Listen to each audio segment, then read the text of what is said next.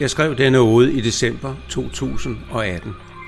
Allerede dengang var der brug for, at vi alle sammen tager ansvar for hinanden og for kloden.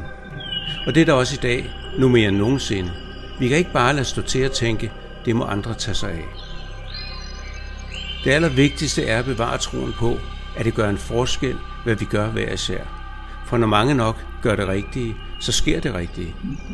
Vi kan alle sammen være frelseren. Det handler bare om at beslutte at være det. Her kommer ode nummer 20, ode til frelseren. Langt ude i det tomme ingenting, i et hjørne af universet, som sjældent besøges, og som ikke får meget opmærksomhed, hænger en blå planet.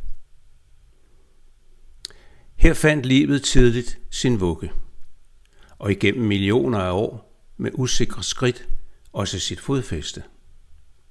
Som altid startende med de mindste mikrober, der bændede vejen for større væsner og mere intelligens.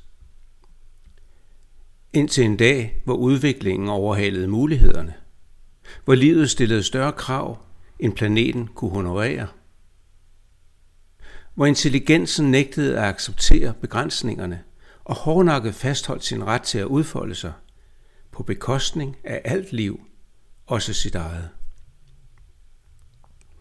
Intelligensen glemte dog, at det var den, der havde brug for planeten, ikke omvendt. Og da erkendelsen endelig indfandt sig, da beviserne var uomtvistelige og uimodsigelige, og truslerne fra planeten skræmmende og ødelæggende, og alt var for sent, der råbte intelligensen i desperation, uden forventning om svar. Hvem skal redde os? Hvem er frelseren? Længe var der stille. Så lød en lille stemme nede fra dybet. Je suis le sauveur. Jeg er frelseren. Du er frelseren. En hver, der påtager sig et medansvar for alt, der lever, er frelseren. Ingen må sige, det er ikke mit ansvar. For enhver lille handling, der sparer fælles ressourcer eller mennesker ulighed, er uendelig vigtig.